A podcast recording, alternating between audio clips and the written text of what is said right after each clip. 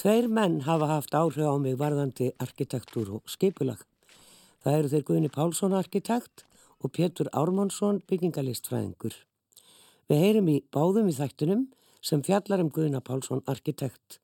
Við byrjum hjá Pétri. Pétur Ármánsson er einn af okkar svona kannski fróðustu fræðumennum um arkitektúr hér á Íslandi.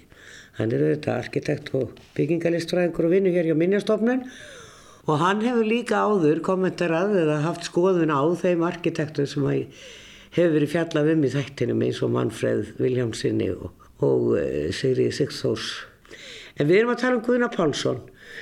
Og Pétur rétti ég nú bara hjá honum þegar ég ringdi í hana. E, þegar hann kom úr námi að þá fór hann einmitt að vinna stundastund hjá Guðna og Dagníu og uh, leittist svo út í meiri fræðumennsku eða hvað. Ætlaður bara að fara að teikna, ég verð nú eiginlega að spyrja um þetta. Já, það var alltaf meiningin þegar ég var í, var í námi, já. já. En svo tilvílin að þú ferð meira í svona fræðumennsku. Já, það er eiginlega röð tilvíljana sem veldur því. Varðandi Guðna sko, þá er það náttúrulega, það er svolítið sérstætt að fjalla um hann vegna þess að ég, það, ég er ekki bara þá að skoða húsinn sem hann hefur teiknað heldur, en hef ég náttúrulega reynsla því að hafa unni með honum ekki bara einu sinni heldur tvísver því að þegar ég komur á námi, laug mínu aðalnámi 1986, þá losnaði staða hjá, á teiknistofunni hjá Dagni og Guðna sem að þau unnu þau sama voru Það var stofan þeirra cirka 30 ára gömul og var, var svona mjög eftir spennandi verkefni, ný stofa með spennandi verkefni og ég var hjá honum í nokkra mánuðu við að vinna við kosaskipulagið sem var þá að lokast í. Það var búið að móta alveg hugmyndina, þetta var meira svona frágámsvinna úrvinnsla sem að þá var og líka teikna samkeppnisgögnin fyrir, fyrir ráðhússamkeppnina sem þá stóð fyrir dýrum. Svo fekk ég það verkefni að rýtstýra minni fyrstu bók fyrir almenna bókafélagi. Það kom svona mjög óvænt upp í hendurnar þannig að ég fór að sinna því og fór svo framhald, eftir það í framhalsnám til bandaríkjana. Og eftir framhalsnámi þá vildi svo til að ég, það var líka starf hjá Guðuna sem að, sem að mér bauðst og ég var að vinna hjá honum í tvö ár fram til 1992 þegar að þá kom annar, annar svona tækifæri þegar það var byrjað með byggingalistadeild á kjærvalstöðum þannig að ég svona tvísvarsinu leittist út í þessa fræðimennsku þannig þannig að þetta var svolítið tilvíluna kent allt saman.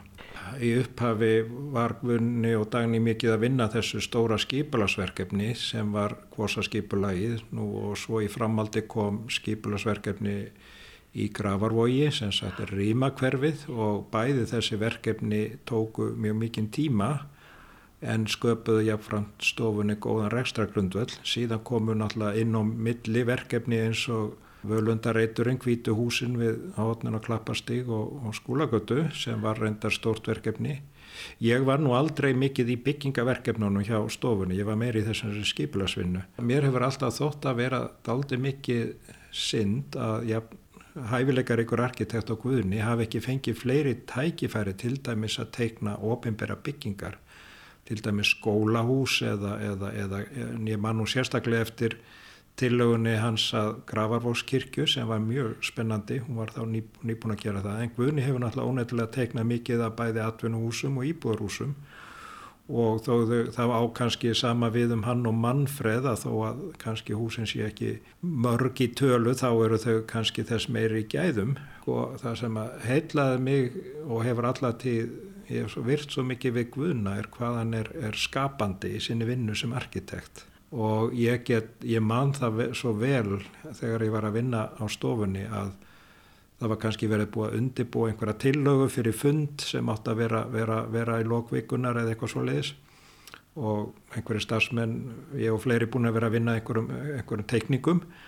En svo eh, morgunin fyrir fundin þá kom Guðni með alveg nýja hugmynd. Þá var hafði hann verið, verið andvaka í nóttuna og fengið einhverja hugljómun sá miklu betri lausn og hann rissaði upp í fljótheitum svona þessa hugmynd og hann mætti með hann á fundin hann fór aldrei með nema bestu hugmyndina þegar hann var að kynna eitthvað og hann, var, og, og hann, og það sem er mér fyrir svo magnað með Guðna er það að svona er hann enþá rátt fyrir sinn aldur þá er hann held ég alveg má segja nú er hann til dæmis að vinna að tekna síðastliðin ár þá er hann verið að vinna því að hanna mjög skemmtilegar útfærslur á fjölbílishúsum og það eru nú allir að, í dag að gaggrína þessar kassablokki sem er að rýsa út um allt, þessar svalagangsblokki sem einhvern veginn líti allar út eins og er, er, menn er orðin svolítið leiðir á þessu byggingarformi að það skulle ekki vera meira brotið upp eða meiri nýbreytni í því að móta. En, en sennilega sá maður sem er að, að ganga hvað lengst í þessa átt og, og jafnvel skjóta unga fólkinu er fyrir rast, það er Guðni Pálsson því að þessi, þessi fjölbílisús sem hann, ég fengið að fylgjast aðeins með því sem hann er að gera til dæmis í nýja hverfinu við Hamranis. Hamranisi og það er bara, bara feikilega skemmtileg nýbreytni í því að hanna fjölbílisús, hann auðvitað hefur hann þurft að aðlaga hana svona ég meina kröfum verktaka um, um, um hagkvæm og annað en, en ánþess þó að fórna sko því sem að, að, að skiptir máli gæðum og, og hérna mér finnst þetta bara svo virðingavert og, og, og ég virði það svo mikið við Guðna, hann hefur einhvern veginn aldrei hann hefur alltaf haldið kindlinum á lofti ef svo má segja, aldrei mist neistan. Minnjastofnun hér, þið friðuðuð heimiljans, Litlubæðavör fjögur á Altanissi og húsið kom við skjöld af þessi friðað hús. Þetta er svona lítið nett einbillishús með ofanlýsingu í gegn og svona súlnagöng inn í húsinu. Fyrir þína tilstilli eða hvað? Hvernig stóða því að húsið var friðað? Já, já, já það, ég segi það nú kannski ekki því að það er húsafröðunum sem að tekur ákvarðan um þetta en það hefur verið þannig núna nokkur undarfærin ár þá hefur húsafröðuna nefnd gert tilugur að friðlýsingu nokkur að húsa eftir svona, eh, já, bæði eigin heimili, arkitekta og svona einbílishús sem að einhvern megin eru svona, hvað segir maður, bestu fulltrúar ákveðins tímabils eða tímaskeiðs í arkitektur.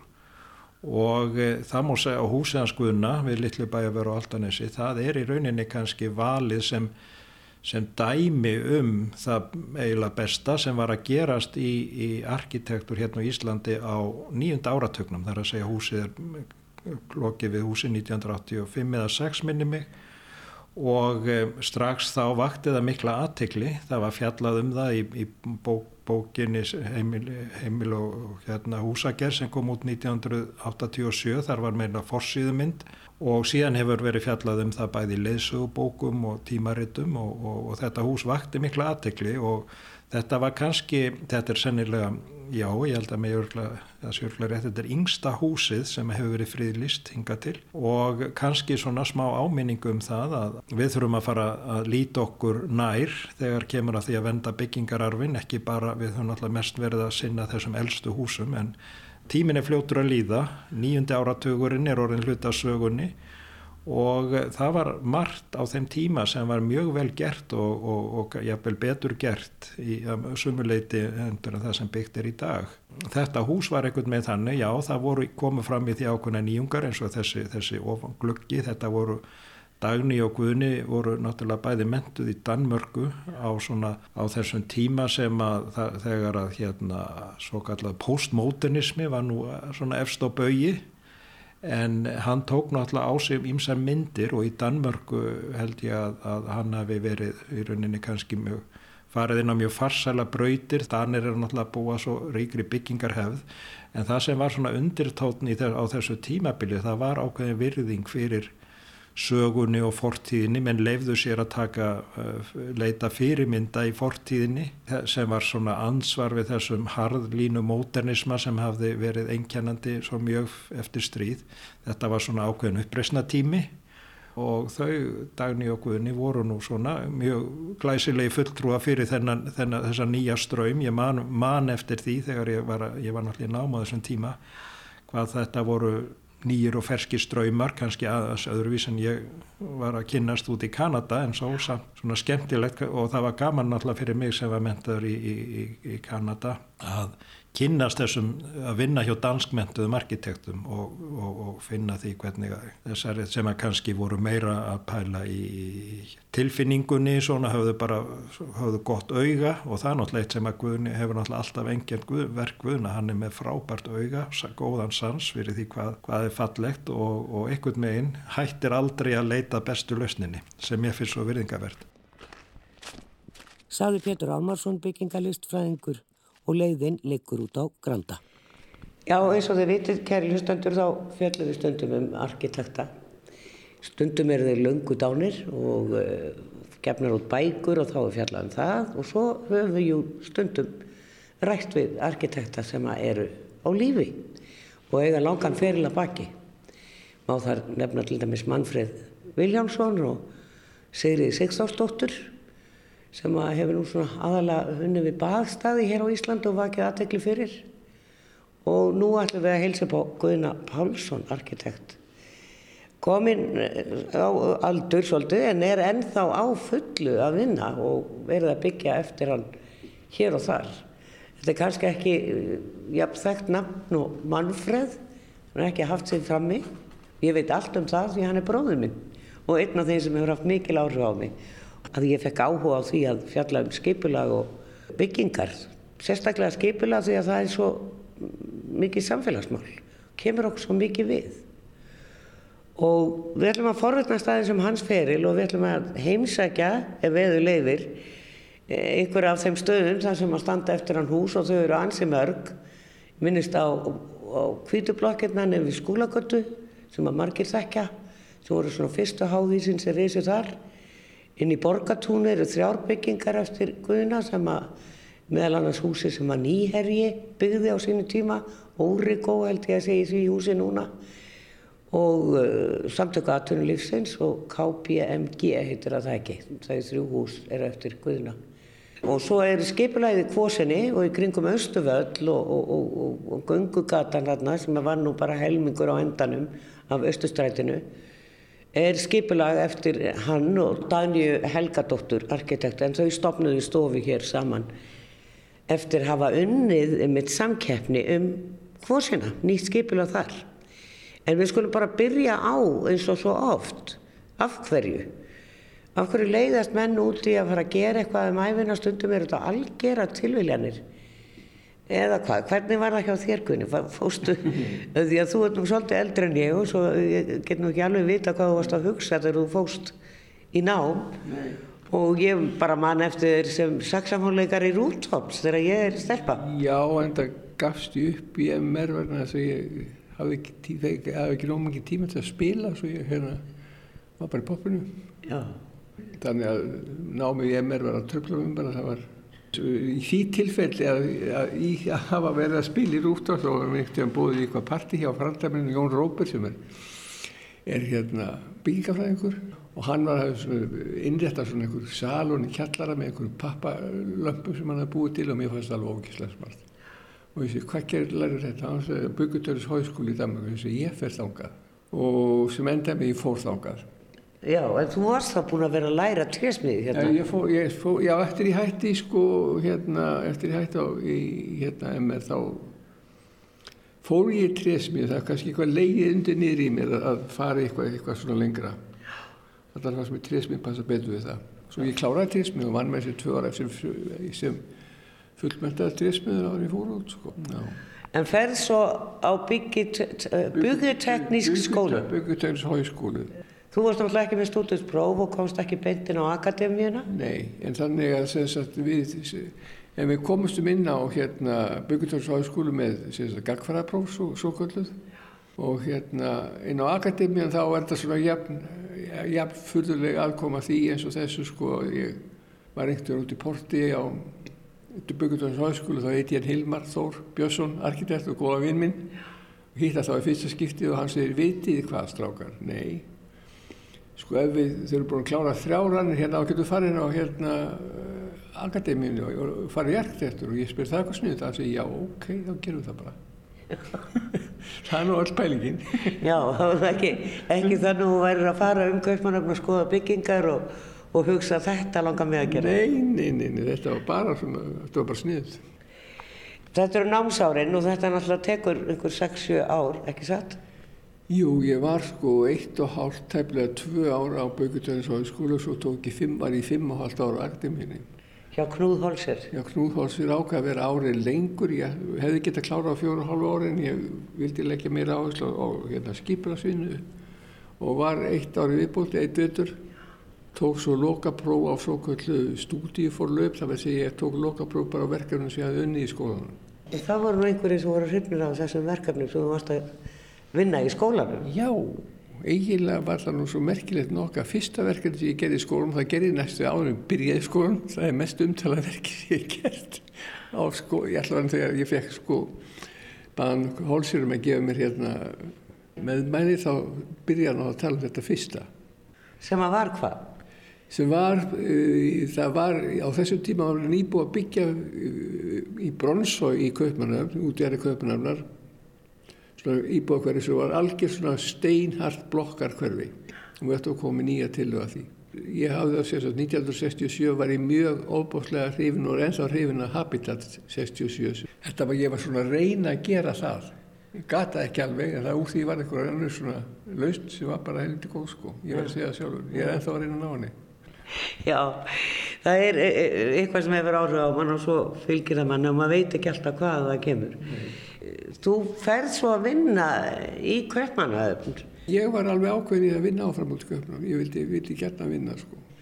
Ymmi, þú vildir ekkert fara heim sem þú varst búinn. Þú færð vinnu hjá, ég bara svona, maður að segja, þekktum arkitekt í Kaupmannahöfn. Já, það sko, þegar ég klára, þá er tölvöld aðdunleysi í, í Kaupmannahöfn hjá arkitektum. Ég held að verið 30-40% aðdunleysi eitthvað svo leiðis og Það var meira sem bladaverkvall nema að allir svona vel vinstri sinnaðar arkitektar kipti informasjón á þessum tímabili. Svo við vorum áskrifundar informasjón og þar fann ég litla klausu sem að stóð að Knúð Munk var að leita eftir arkitekt. Og ég pantaði vitastíma og, og þegar á þessu tíma þá var þetta ekki svona að fara með svona einhver tölvudisk, heldur var maður með svona 100 kíló að pakka af teikningum undir hendinni. Já. og fór svo í byðröð sem að beði upp til tröppu til allir tröppuna og deilustofu hjá hann og var bara þriðju aðeins eitthvað svo leiðis og ég held að það verið 70 sóttum. En ég var svo eins sem fekk vinnuna.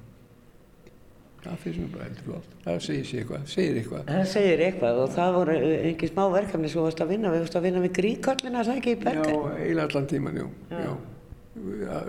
teiknaði alla senun eða baks, all, all, all, loftið yfir senunni og alla hljóðveikina í kringu sinna eða ég, ég hannaði það ekki á búið að hanna þetta, ég teiknaði það. Já. Og svo ræður prófessorinn þinn þig, Knúð Holser, á sínastofu Hann býði mig vinnu, já. Þar var ég í tæp fimm ár. Það var, þetta var alltaf miklu stærst það var yfir hundra manna stofa. Og hérna þar var, lærði, var ég í fjandakotni anskotamörgum verkunum teiknaði hérna, íbúa hverfi í Sátiarabíu að tillögu, tillögu að einhverjum gestahöglum í Bahrain sumabústaði niður við hérna, Suðurfraklandi fyrir einhvern vopnasala frá þessum arabísku löndum. Látum vera með nefna lönd Jú og svo tók, teiknaði ég alveg bunga samkernum hérna og meðal annars þá teiknaði við að það var tekjarþerfa samkernum konlega leikúsi laðað mitt áhuga við skildum taka þátt í þessu og hérna þeir samtum það svo, svo, svo gerðum við það og við, við komum smá áfram í annað þeirri byrja sem voru sex stúr sem var búið að taka þátt áfram. Já. og við unnum. Þetta var verkefni sem þetta tímanbyrjum tók næstu heilt ár. Já, bara samkjöfnin bara samkjöfnin og ég man að það var svo sniðt sko þegar það hérna setni hluti sem fengum sex mánuðs að gera setni hlutan og svo þau vorum að segjast að kvöldin að vinna og þá saði einhver enn salum tíuvillega hann bara að byrja einn deginn fyrr. Já, já, já, það er nefnilega það. En e, e, þú eftir þetta þá fljóðlega þá flytið þið heim þú og eiginkona einhverju Tómasdóttir. Og e, en það var nú ekkert endilega það sem þið longaði mest. Nei, þetta er, ég var hálfúll og hérna þetta axlaðist þannig að við, ég tók þátt í samkettni hérna heima, fengum, fekk önnuveln, það var svona fyrsta samtingin sem ég tók þátt í. Við komum heim og, og til þess að taka móti velunum og, og hérna þá finnur, finnur Hilma fengi önnuvelni líka. Og það var íbúð, samkettnum íbúð, í, íbúðarkverfi og hérna, já, Og þegar við komum heim þá var annar vinkun okkar sem hafði unni mig Guri hjá Æslandir í Mörgberg og hún bauðinni sérstaklega að fá vinnu hjá SAS í Reykjavík. Og ég var ekkert ánæg með það. Ég var konið góða stöðu hjá þessu fyrirtæki og hérna ég kom af þessu heim og Bölvandur Ragnarni hálf ára eftir henni. Og hérna hallar ég að skilja en þú sem nei á skotin en það gengur ekki elskar Guðin á, mikið til þess að fara að gera sko svoliðis svo hérna ég kom heim Það er bara stuttu eftir það sem að þú og Dagni takkið þátt í þessari samkeppni um kvosina í Reykjavík. Nei, það var ekki samkeppni. Ég fór að vinna hjá mann fyrir Víkljósinu því ég kom heim og vann þar í rúmt ár og, og, og Þorvald S.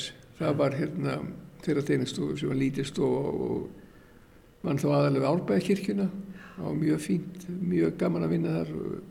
Það er sem sagt nýrði kirkjuna, ekki gömlu. Já, nei, nei, nei, nýrði kirkjuna. Já, já, já, og hérna, sem var þá bara byggingu og hérna, svo byrjum við Dani bara að reyna okkur að svona sjálf, fyrir auðvitað vinnu, sem maður segir. Vinnum fyrst hérna samkérni um íþróttarsvæði í, í hérna Suðumjótt, fyrstu velin þar, svo fengum við fyrstu og önnu velin í samvæntið Götugörn og þá ætlaði þetta svona einhversið til sér að við sjáum bara, ok, við hoppum bara út í djúbu og byrjum bara sjálfstært sem við okkerðum og, og hérna.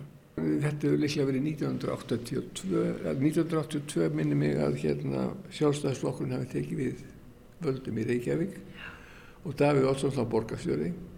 Og við bara letum útbúa svona lilla bækling og bökkum bara dyrna hjá Davíð og kynntum okkur og sem við erum hérna Við erum ungir arkitektar sem hefur búin að, að vísu nýgónd lýsa sem erum búin að gera þetta, þetta og þetta. En svo hafðum við líka sérst unnið hjá mjög þekktum stofum í Danmarku, hún hafði unnið hjá Dalur Linnarsen sem var mjög þekkt stofa þá og ég hafði unnið hjá bæði Knúm Hólsir og Knúm Mung og, og Davíð sað hann að tilbaka svo hann var einu lagi að segja við erum líka, ég er nýbyrjað að líka svo við, segðum, við komum bara til að kynna okkur sig og svo búið svo Þegar vorum að vinna þá var niður á fund til Davís, þau hafði verið, ég held að þau verið í skóla saman í MR eða eitthvað svona þegar maður er, ég minni það endilega.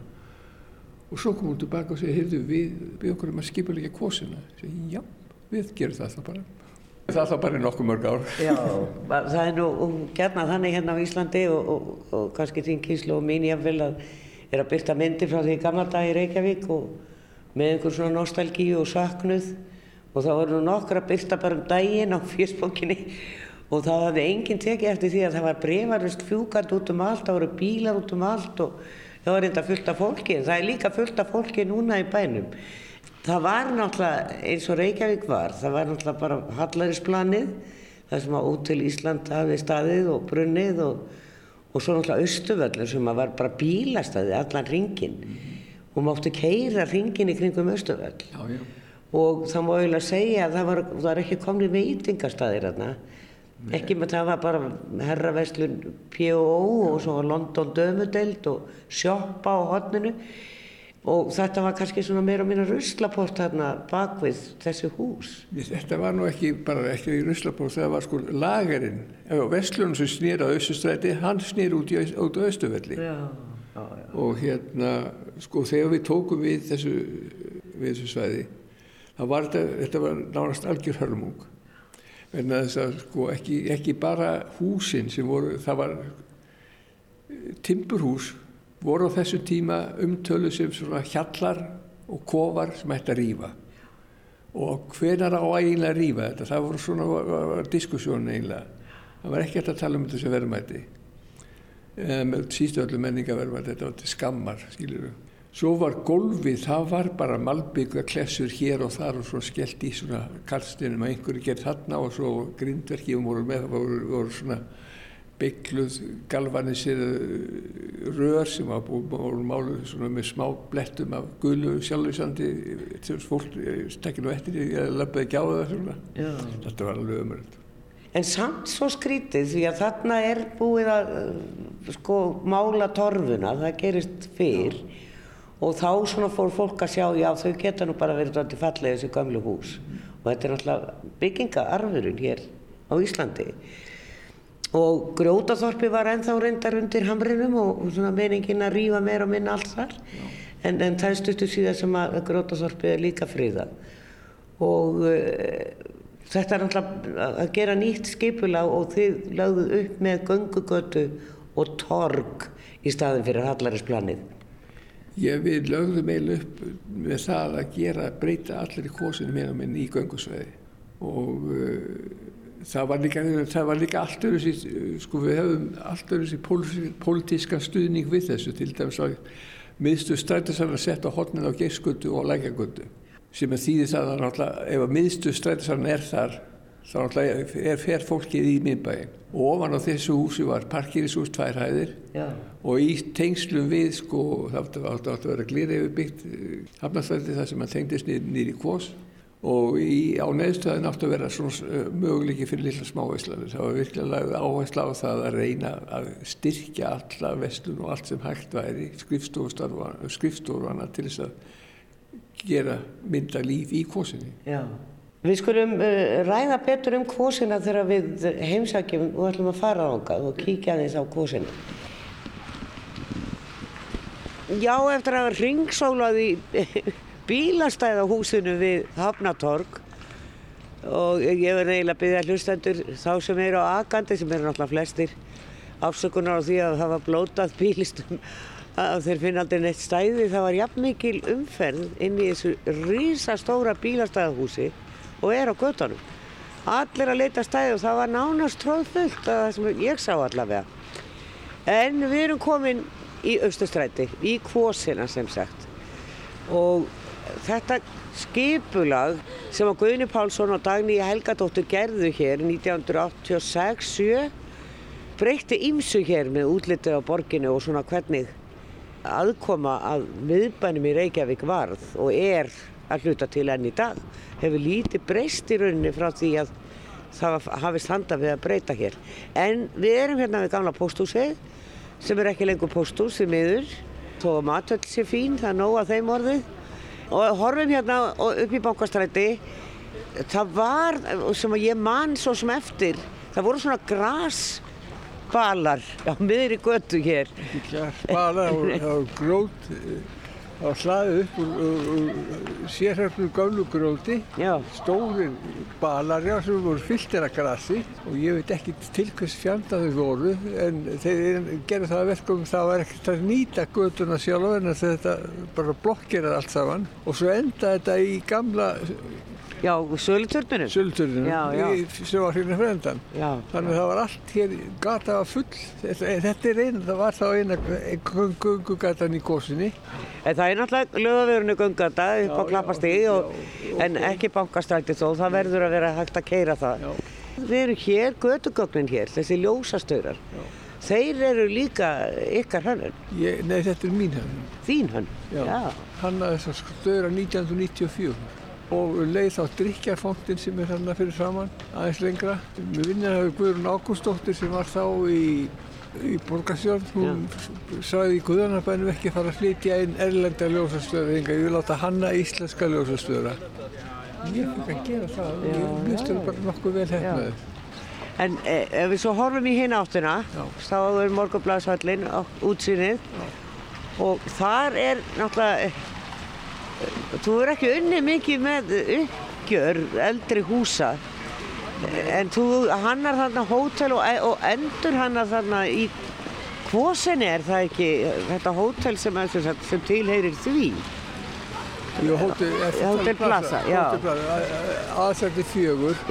Jú, og fyrir aftan er, er hérna dúshúsir sem svo kallu voru sem gömur hús, tvö hús sem standa þar og garður á milli við endur höfnum þau þannig að þau held alveg, ég endur höfnum þannig að þau held alveg sínu og plasa aftur á móti var verið að byggja ofan á einna hæðar hús sem stóð þarna. Já, hvað Dairy Queen var? Dairy Queen var í, jú, jú, Queen. Já. og við byggðum hún á það.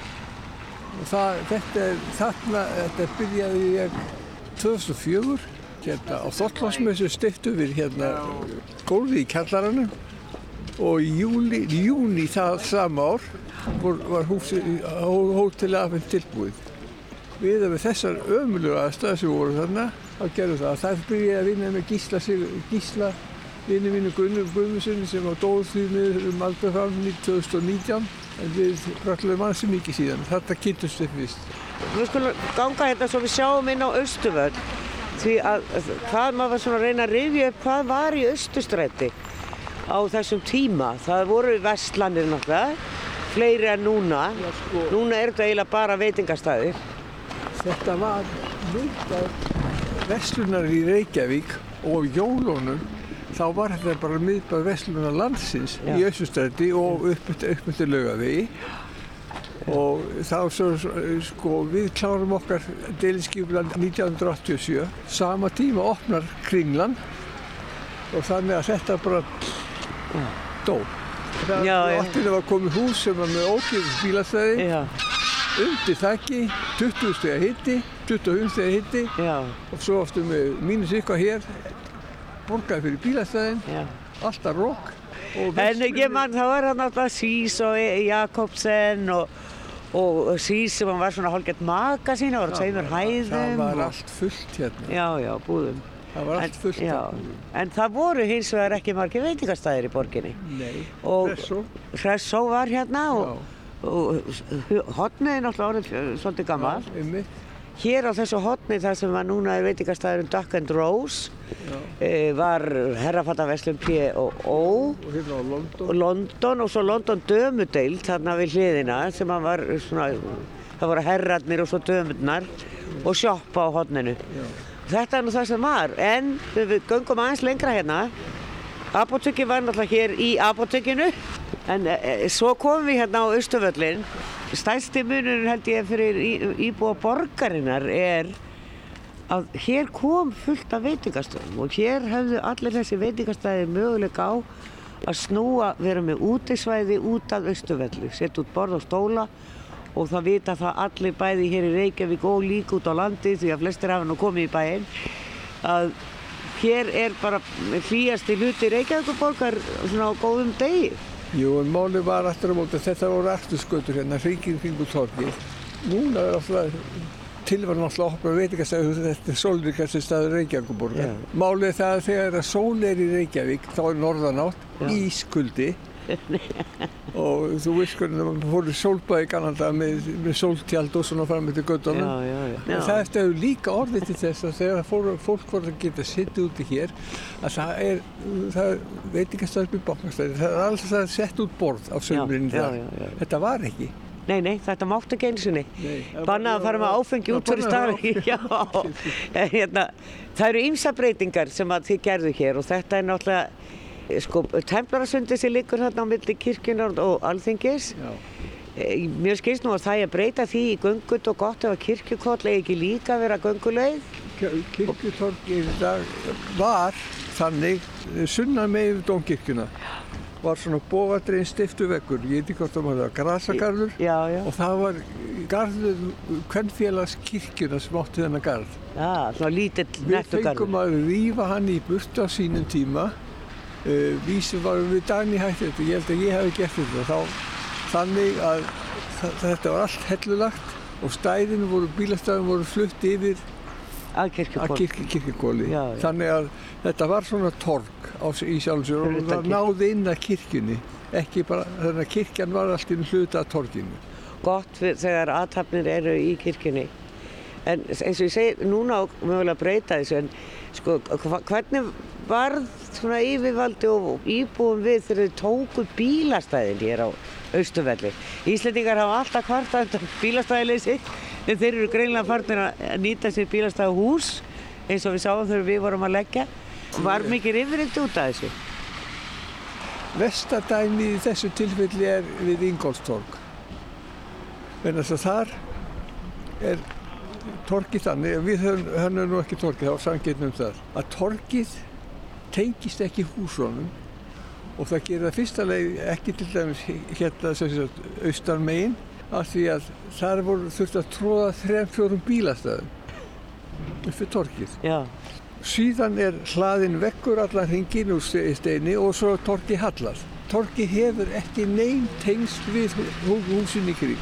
Ekki þetta Nei. líf og nýta torki sem getur miklu meira lifandi Já. ef það væri bara í sama plani og húsin í kring og Já. tala ekki um þessi bílastæði, þrjúfjögur bílastæði því þeir sem var börnsmjögla mest til þessu bílastæði voru, voru ykkur í sjoppu undir þarna þá já. Þeir eru löngu farnir eða ekki dánir, veit ekki hvað en þeir eru alltaf þar lengur. Helviti spílastæða niður á den Já, já, já, já. Lóku núna, nú er skautasvell, er jól. Við færum okkur úr kvosinni á skólagötuna. Já, kvítublokkurnar á skólagötunni eru ábyrgandi og voru það strax og, og það eru voru svona fyrstu blokkirnar hér við, við skólagötuna og, og eru bara svona eins og lítið dúkuhús núna við hliðin á 101 skugga, kolsvart og stórt og já, kannski svolítið meira ókunandi heldur en þessar blokki sem eru misháar og einhvern veginn raða þannig að það eru, það er ekki eins óbáslega nálægt eins og í 101 skugga þar sem manni finnst eiginlega að að heilsast á milli íbúða út um gluggan. En eh, hér er svona eitthvað meira rúmt og við erum komin ynga og stöndum hérna inn á lóðinni og sólinn skín hér á efri hæðnar þá hún sé nú ekki að herra á lofti á hús númer eitt sem við stöndum við og svo sjáum við að tíu sem er svona lægri blokk, hún er ekki nema fimm hæðir með risinu og þessi hér fyrir aftan okkur er hvað? Hvað, verða, hvað, hvað er hæsta húsi hérna Guðni? Hæsta húsi heldur þessi 11 hæðir enda hérna. Já, Það, við gáttum ekki farið hærra. Þess að stigabílinn hjá hérna, slökkluðinu náði ekki lengru. Það reyði líka húsinu há og í, hér á Já, skólagötu nei, í Reykjavík. í Reykjavík, já. Hvað, hvenar eru þær tilbúnar þessar blokkir? 8, 10 og eitthvað. Er þetta eftir kosaskipulagið? Þetta er svona á svipuðum tíma. Seinustu húsin sem við gerðum það er hérna nummið sjö sem við erum aftur fyrir þá klætt með áli, áli og einangrað utan. Þá vorum við Dani búin að splitt upp og ég tegna þetta til lokinu þá gerðum við bílakjallarna hérna undir. Þetta var, 19, það var 1995 til 97 eitthvað svo leiðis. Við höfum komið svo langt á eftir. Þetta, já, þetta byggingarprósett hérna, þetta fór þrísasunum á hausinn. Já, Svo stóð þetta lengi bara tómt og innanbankin átti þetta já. og reiknaði bara með hverju ári hvað grætti mikið að eiga þetta. En það var ekkert þetta. Svo byrjaði þessu minni við þetta við 95. Þá, þá var byggðuð bílakjallarinn undir sem er með, með einn bíl á hverja íbúð, það er 100, eh, eh, 101 eða 10 íbúðir í öllu komplexinu og það er eitt, eitt bíl á hverja íbúð hérna undir öllu hérna, pluss geimslur. Þessi gluggar sem eru hérna, við stöndum með mitt við svona gluggar sem að nær hér alveg upp þessar tíu, allavega hæðir Yes. og svona útskottsgluggar, þetta var svona með, í, með fyrstu skiptum sem maður sá þetta, sem að svona bæði getur nærði meira útsýni og fær meiri byrtun í íbúðina. Mér fannst ég vera algjör snillingur þegar ég fann þetta. Ég meina það, þú stendur í, þú lappar út hérna, það getur alltaf kíkt í þrjára áttir sem getur rannlega í blokkan getur bara kíkt út úr gluggan í einu Já. átt búið. Já. Þetta var í kallað guðni útskólt í langartíma. Já, hérna. En þú nýtir þetta líka á, á já, svona bæði dregur út glugga og má sjá nú á breyttu hótelinir í aðalsræti, Já. ekki Hótel Plaza. Og þar dregur út gluggana og þetta gerur á nokkrum, þú, þetta er eitthvað sem þú hefur svona nýttir bara frekar lengi. Já, sko niður í miðbæð var þetta gert bara í samræmi með kannski svona kvisti sem að ganga út úr húsum í gamlu húsum í gamla dag, þetta er bara gert í gleri. En þá færðu þess að þrývít, getur hort í þrjára áttir. Það er alveg spes. Sko, uh, fjölbýlishús, uh, við erum nú að sjá þau rísa út um allan bæ núna í þjættingu byggðar og það, þetta eru svona miklar, mikið þjætt byggð, þetta eru yfirleitt bara fer, ferindi kassar með mismunandi álklæningu. Ég veit að þú hefur verið að teikna og, og svona bæði í Hamranesi í Hafnafyrði, þar að, er verið að byggja, e, svona, e, má segja, öðruvísi blokkir Já. Með uh, ingangum á svölunum sem að náttúrulega er líka svala- ingangar, það er nú reyndar náttúrulega mjög algengt líka á þessum kassum. Eh, en, en svo ertu alltaf að reyna að finna upp einhverja nýja leið að, að gera fjölbýlishús af því að þetta verður náttúrulega frekar leiðigjant þessi kassar. Ég sko, byrju svona, ég tel að við sem arkitektar, við eigum ekki að fara að tróna slóðir.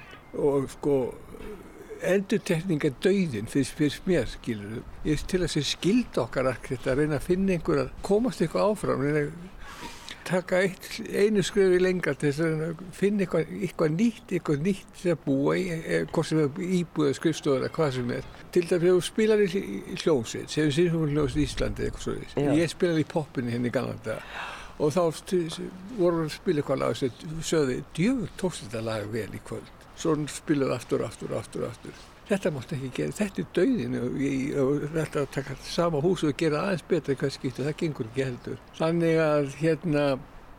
Samt hugsa ég nú stundum sko, að, til dæmis Sigvaldi Tórdarsson sem ég er mjög hrifin af og hann gerði þessi litlu raðhús bæði við Miklubrautin og svo inn í Skeiðarvogi mm -hmm. og sem eru bara svona frekar litlar íbúðir og, og, og á tveimur hæðumstundum þremur. Og, og þetta, mér finnst þetta að passa svo vel við íslenska geðilægið hérna, það vil allir hafa sinn einn gang og einhvern veginn, þú býr bara í ekkert stærri íbúðu, en nei, þú veist svona einhvern veginn bara, þetta er raðhúsu þig og raðhúsin eru svolítið að hverfa finnst mér í þessari þjættingu byggðar. Og hérna Jú, það er bara kannski kröðar um það þjættingu byggðar orðið svo þjætt að sólinn er bara, hún er bara hún á heim í Kína skilur það, hún er ekki, býr ekki lengur á, í Reykjavík skilur þetta er, það finnst mér algjör synd sko. Þessi húsir eru ekki er í Hamranesinu er svona, við kallum, getum ekki kallað fjölbílishús, þetta er ekki kallað uh, blokkir, þetta er svona samansafna af, þetta er eiginlega fjögur hús sem er sett saman. Þetta er svona svolítið harmonika, finnst mann þegar maður sé teikningarnar? Já, það er sko verið að það, það er svona, svona vingilhús sem ganga út úr húsinu á einu stað, er fjárhæða sem er eins og vangur sem er að flúi burtu, snúa öll herbyggina af að sölum og allir glukkarinn er í golf. Svo eru svona hinn, hinn er svona ferdingslega íbúðir, þannig að þetta er svona, já, já. þetta er svona þetta, ég, veit ekki, þetta er eins og, ég ætla ekki að líka, líka, líka með svona fræga menn sem held á síman og sagði að þetta er ekki sími, þetta er ekki talva, þetta er iPhone. Og við erum að reyna að finna hvað þannig að kalla þetta, þetta er ekki blokk, þetta er ekki fjölbíli, það er svona annar mál. Já, það búa margir þeir allavega, en, en svona kannski lókin hér, eh, íbúðnar hér, þær eru, já, hver, hvernig liggja þær? Það, það eru líti klukkar hérna í miðjunni sem snúa út í, hérna út í þennan garð sem við stöndum í það eru svalir hér í hodninu og svona maður átt að segja kannski alveg á því. Útskottsglöggi hérna. Hver, hver, hvernig lægið er á íbúðunum? Í þetta skipula er þannig að það er búið til þannig að það er, er gerðið ferningar sem voru 11 sem 11 og svo voru tveir, tveir meðlar á milli. Og við þurfum að fara svona svolítið slavist eftir því. Allar íbúðunar sem við gerum hérna eru vingilíbúður, starri íbúðunar þannig að það snúa inn í gardin hérna til söðus til austus eða vestus eftir hvorum einu er í húsinu og svo út til norðus með útsýni út á fastaflóðan. Í miðjun er svo litlar íbúðir, við snúum bara eina átt, við snúum til söðus, það snúum allar í söður. Það er svona prinsip í allum íbúðunum, þannig að þeir hafa svona mjög vítt útsýni í allar áttir. En það er eitt sem ég ætla að hafa orð á. Það er að þegar það var endurmála hér þá var ekki mála hvít, heldur einhvern veginn með einhverju smá gulu í og mér finnst það ekki passa þessum húsum. Ég var líka fucking full bara á góður íslensku fyrir ekki að segja þetta var gert en þetta voru alltaf verið talað um þessum kvítu húsin á vörndalóð og hafa fengið svona status sem er þá og eru svona hlut að bæja myndina á vissan á þá fyrir ekki að mála það svona eitthvað svona off-white. Hæstóðu sem var málað, þá var það málað hvít, þá var hringt í mig og, og þess að ég segi hvað með restinu er þú vist að húsinu verða að mála smátt og smátt og við komum til með að mála öll kvítartur. Eftir vangaveltur fann Guðni og félagar hans nafn á nýjustu hönnun Guðna. Eins og Steve Jobs saði þetta er ekki sími, ekki tölva, þetta er iPhone. Hugmynd Guðna Pálssonar er að kalla þessa byggingar klasa. Við endum þessa alltafstuttu yfirferð á stofinni hjá Guðna. Þú og Dagni, þið teikni líka þessa kvítu blokkir niður við skólagötu. Það er nú bara á svipum tíma eða stutt eftir það. Ég held að við byrja að byggja 1986. Það var sangirna í þessu fyrirtæki sem steintak sem böðið út og þreymur stofum bóðið. Þar á með að vinið mínum Hilmar og Finni, alltaf, við erum alltaf, fórum alltaf keppgóttið þannig að þessu tímanbili. Já. Við höfum betur. Síðan er náttúrulega 101 skuggi byggður hérna rétt fyrir hrun og, og, og svona klárast nú ekki fyrir neftir hrun. Já.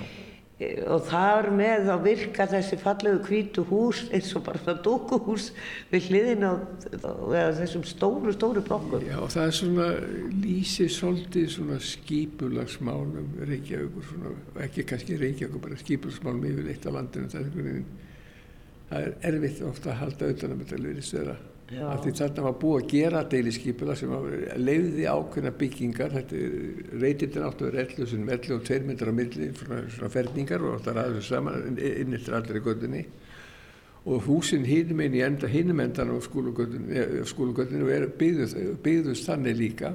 En svo þetta sæði það sem að svörtu húsin eru þannig það bara svona einhvern veginn Það, ég veit ekki hvað, þetta verður bara svona, myndað svona verðbólk ekkur. Já, já, þetta var einhver bóla og þetta voru reyndar held í danskir arkitektar sem að hannuðu þetta. Já, þetta er Smittamar og Lassin sem er fín stofa sko. Já, en þekkir kannski ekki alveg til veðrátt og ég neyði sjóin ég veit ekki, kannski ekki bara komið ég veit ekki, nei ekki segjum Já, ég verður stundu svolítið hissa á því að, að, að, að þetta er mjög viðkvæmi staður að byggja út, ja, út af vindum. Já, það, það er líka það sem við vest af þessi stórús þeirra er að þau, þau snú ekki að skólagöldunni heldur fylgjaðu hlýðagöldunum þau snú að koma að skaknir á skólagöldunum og það finnst mér svona óttalega bara svona smá hlutur. Já En þú má segja eiginlega að þú þreyfarði þarna upp eftir og ert svo komin upp í borgatún og, og, og hérna teikna þar þrjú hús eins og minnst var á Já. og meðal annars e, nýherjahúsið eins og er nú ennþá gætna kalla þó að Origósi komið þonga. Það minnir mig alltaf á svona tölvu, bara, bara skjá og, og svo harðadiskinn þegar þeir voru svona kassar sem er nú hægt að vera í dag. Það er sem svolítið gott en þess að þetta var tegna verið tölvufyrirtæki. Já sko, hérna, þetta eru tvö hús. Annað er, málum var það Frosti, Sigurðarsson sem var hérna frangvandastjóri nýjara á þessum tíanbili. Hann vildi enga klukka til söðus. Helst af því það vill ekki sýta við söðuglöka. Þessin er hérna, trappisformað húsi sem er svarta, þessin er svona mjótt í söðus. Og hittir með pínleitlum glöggum þeir klukkar eru svona zigzag út og söður og þeir sem eru orðin svona ja, gamlir og ég þeir munið kannski eftir því að þegar tölvundar byrjuðu þegar einn svona vasatalva var þyllt í fimm herbyggja íbúð þá voru svo kallar á dönsku voru að kalla húledamer það var það þannig að það voru, það var allur texti sem átt að skrifa eða hvað sem átt að gera í tölvunni það var fengur svona hraðreitara sem skrifuðu svona á kort þar sem í voru götu já, svona já, göt. já, og þessi göt ég tók eftir götunum á spjöldunum þau eru klukkarnir á þessari hlýð þannig sem snýti söðus á gráa hluta ferðinu sem er þarna því húsi það er fyrstu hugmyndin á því. En taland um tæknið mitt af því að e, það er svo óbúslega margt búið að breytast á, á þessum árum frá því að þú útskrifast og, og mm og til dagsins í dag. Við sittum hérna á grandanum á teiklistofu Guðna og hér upp á töflu er náttúrulega allavega myndir og tekníkar af hín og þessu, hugmyndir og annað. Guðni teiknar, það er alls ekkert allir arkitektar sem gera það. Rissar upp myndir áður en hann fer í að, að setja þetta upp í tölvuform. Það liggja þarna tveir menn, indislu mynd, svartkvít mynd, sem er þó ekki eldri en það, og ég get trú að þetta veri 50 og eitthvað og þeir eru að gera deiliskypilag og liggja tveir á maganum á, á svo löngum pappir deiliskypilag er gert í tölvu í dag. Þetta er, þetta er náttúrulega bara eh, vinnaðast aðeins betri. Já það er aðeins það, það þarf ekkert smá pláss Þetta er bara eða tíu metrar þetta blað og fimm metra breytt. Já, maður er líklega vera með því, ef maður gerir mikið svona skipilum á þessu tíma þá er maður að vera með handbóltasall svona til. Já, til að geta það, nákvæmlega. En e, það er, sko, af því ég sagði líka í upphæfi að, að skipilag er svo rosalega áriðandi og það tekur oft langan tíma að fá það samtrykt hjá borginni og menn eru pyrraður að geta ekki komist að stað en, en svo finnst manni líka stundum að það hefur bara alls ekki verið leiðið nógu mikið yfir skipilæðinu því að það, það, þetta stendur allt um aldur og æfi Já. þetta er samfélagsmál. Og ég segi eitthvað. Já, hvað, hvað segir um það skipilæði var svo áriðandi það er alltaf rosalega áriðandi og það er sko náttúrulega numur 1 og 3 að, ok, segjum það maður gerir, ef tekst nú að gera gott skipilæg þá er numur 1, 2, 3 og 4 að sé farið eftir því það er ekki alltaf gert vegna þess að, að það er ekki arkitekturinn sem að stýra því hver, hvernig þetta byggist það eru pólitíkusarnir og verktakarnir og sem pressa á pólitíkusna og svona framöndi göttunum. Ég meina típist dæmi sko, veit ég hérna, ég hef bara þrjú hús, nýjæri húsið, samtök aturlýsins og, og KPMG. Uh, ég við mann rétt að mátti nýjæri húsi vera þrjáhæðir, við byrjum fjórahæðir, ég mann rétt fjórar eða fimm. Svo gerum við húsi aturlýsins, það er sex eða sjö og svo gerum við KPMG og það er átta.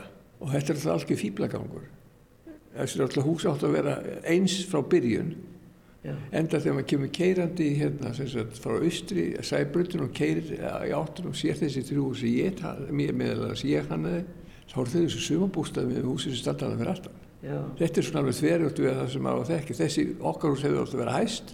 Þau kasta skugga bara beint í sjó en þessi hús sem er þannig að hinn með göttun þau kasta skugga beint á húsin okkar. Er, Þau eru sunna með við göttun og sólinu mestar við erum að byggja of hátt finnst mér í, í hérna bara yfirleitt og, og það er einhvern veginn mjög sporgin að við slutum vera komin í ógöngur með það að, af því að það er búið að hleypa þessum hæðum uh, upp og við sjáum þetta á Hafnatorgi og það er, það er alveg gríðalegt byggingamagn og ofsalega þjætt hefur skoðun á, á hvaða leið eru við? Ég veit ekki sko, húsin okkar í kvosinu það sem við tölum um að byggja það, það eru fjögur og hálf hæð. Maður verður að gera sér grein fyrir því að sólarhæð í Reykjavík, hún er kannski í fjóra daga ári í 45 gráður. Svo hún fyrir hún undir það og það verður því að það er ákveðin skuggi sem kastast af því. Og að fara mikið herra er bara helvítið slæmt. Það voru menn sem að föttuðu þetta í byrjun síðustaldar já, og skrifið um það. Já, já, já. já. og hérna, en það er einhvern veginn ekki, við erum ekki að fara eftir því, en e, það er verið að byggja rúsalega mikið og þú ert ennþá á fullu að byggja. Það er hús eftir upp í Lámúla sem að mörgum finnst skemmtilegt, það sem að úrval útsýn var lengi vel með uh, skrifstofur og er svona skrítni glukkar og það er svona alltaf eventýralegt. Þú ert að byggja í Hafnafyrði, í, uh, í Hamranesi sem eru nokkur stórt blokkakverfi. Þú ert að gera innrýttingar fyrir fyrirtæki í hús Góða Hyrðisins í Fellsmúla. Góði Hyrðurinn er að flytja og það kemur annað fyrirtæki þarna inn og þú ert nýbúin að gera innrýttingar í nýjan veitingastað. Hefur eh, einhverja hugmynd um hvað er mikið byggt eftir þig? Já, höfuborgarsvæðinu og svo líka á Selfossi. Hótel. Nei, ég hef ekki byggt neitt voðalega mörg hús. Þetta er svona, ég, ég hef alltaf, það hefur alltaf verið þarna, þess að mínum teiknistofa hefur verið lítill. Teiknistofan er, teiknistofa þetta er ekki fyrirtæki, skilur hvað við, þess það er alltaf skýtblankur. Já, þetta er ekki framleiðslu fyrirtæki. Þetta er ekki framleiðslu fyrirtæki, nei. nei. Það eru náttúrulega marga mjög stórar hérna á Íslandi. Já, svo sannlega, ég bara hef áhuga á hönnun og ég, ég, okay, ég hef stundur komið að því ég hefur með 10-12 manns í vinnu. Það er hundleðilegt einu sem ég gerir það er að redda penningu fyrir launum og svona framöndu ég fæ aldrei að teikna neitt. Og það ég, ég kann að teikna, ég kann ekki hitt. Nú eru arkitektar hættir að teikna. Ég var um þetta að tala um það að þú rissar upp. Já. þeir gera voða lítið af því nema þeir svona einn og einn sem er færi í að teikna. Já því miður, ég máli var það að þegar ég byrja í akademíinu og kunni ekki teikna þá komst ekki inn. Áskap einfalt mál, það voru enga tölfur Nei, ég veit ekki Nú skilst mér þessi að byrja á svartur sem er líst vel sko en það er, er ágætt að þjálfa upp sko heila kvillin sem hann stjórna hugmyndinni ekki láta það eitthvað eh, tölvuprógrammar að ráða því hvað, hvernig húsi lítur út. Nei, já, þú hefur líka haft orð á því viðtali að, að, að það ætti að kenna börnum miklu meira í byggingarlista eða listast, byggingarlistasögu og... Já, ástæðan fyrir, fyrir þessu er óskup einföld af mín áldi. Dægin sem þú opnar augun þó þú gerir ekki grein fyrir því. Þá opnar augunum það fyrsta sem þú sér ok, kannski mamma en ég segi það ekki. Hitt er svo arkitektur. Ykkur hjúpur gerur arkitekt. Ekki dæmið að gera arkitekt, það er hannað hús. Og eftir það sem þú lifið þá ertu ekki að gera neitt annað en að ferðast um í hönnuðu umhverfi. Allavega nú ferðast svona í bæjalandi eins og maður segir þá ertu að ferðast um í hönnuðu umhverfi. Og þar ertu allar tíma þá gætur þú deyrt og þess að ert í hönnuð umhverfið og ferð hér. Það er ágætt að kunna blokkflut og kunna fylgu og kunna tekna, ég segi það ekki. En við, við ættum að læra, mér finnst að við ættum að kenna fyrir hérna miklu meir um byggingalist í skólum. Þá fengjum við allt þetta miklu betur kuna, miklu kröfuharðari og fólk hefur miklu meiri meiningar um sitt eigið umhverju heldur en hefur í dag það lefur bara akkurat aldrei ekki lært bókstaf um það. Sko finnst þér svona andrumslótti verið að breytast? Ég segi fyrir mitt leiti að mér finnst eins og fólk sé farið að hafa meiri áhuga á byggingarlist einmitt og þessu manngerða umhverfi kannski ekki skrítið vegna þess að það rýs hvert húsi á fætur öðru hérna á höfuborgarsvæðinu og reynda víðar, byggt mikið bæði á Norður og Akureyri og svo á Selfossi og svona eitt og annað sem hefur komið í ljós og kannski kveikt áhuga hjá fleirum.